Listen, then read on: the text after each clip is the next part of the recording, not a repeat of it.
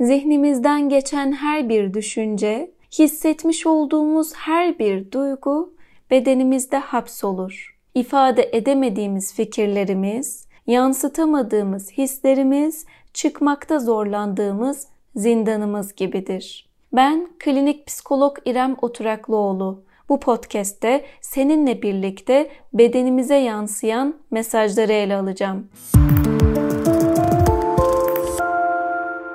Bir sufi atasözü şöyle söyler. Beden varlık okyanusunun kıyısıdır. Bedenimizden almış olduğumuz mesajlarla bugünkü sebebini bilmediğimiz, hiçbir şeyimizin olmadığını zannettiğimiz ancak derinlere odaklanabildiğimizde yaşamış olduğumuz zorlukların kilidini bulmuş oluruz. Bedenimize yansıyan mesajlar bir kilidin yuvası gibidir.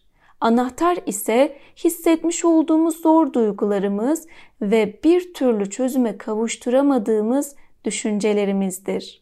Bu durumlarda yaşamış olduğumuz travma sebebiyle don tepkisi verip duygularımızı bastırıp susarız. Bazı durumlarda ise tepki verirsek durumun sonucunun daha kötü olacağını bildiğimiz için bir başkası tarafından susturulmuşuzdur.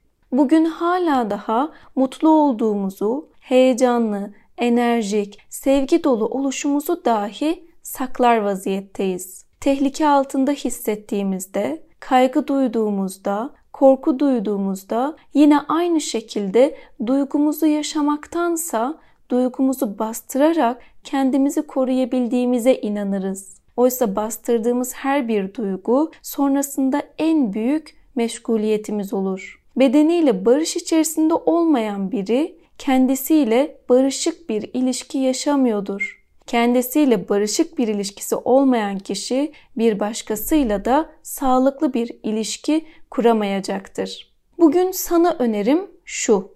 İlk olarak bugüne dek kimlere sustun? Seni kimler susturdu? Kimler bastırdı? Hangi niyetle susmak zorunda kaldın? Tüm bu anları tespit et ve bu anları dışa vurmaya çalış. Dışa vurum noktasında sana önerim ise güvendiğin birisiyle paylaşabilirsin. Aynanın karşısında kendinle konuşabilirsin ya da eline bir kağıt kalem alıp uzun uzadıya yazabilirsin. Yine birisinin duymasından görmesinden endişe duyuyorsan yazdıktan sonra bu kağıdı yırtıp çöpe atabilirsin. İkincisi ise şu. Bedenini lütfen olduğu gibi kabul et. Bedeninle savaşmayı durdur. Çünkü bedenin seni zorlamak istemediği için sana mesaj veriyor. Lütfen bu mesajı doğru şekilde al.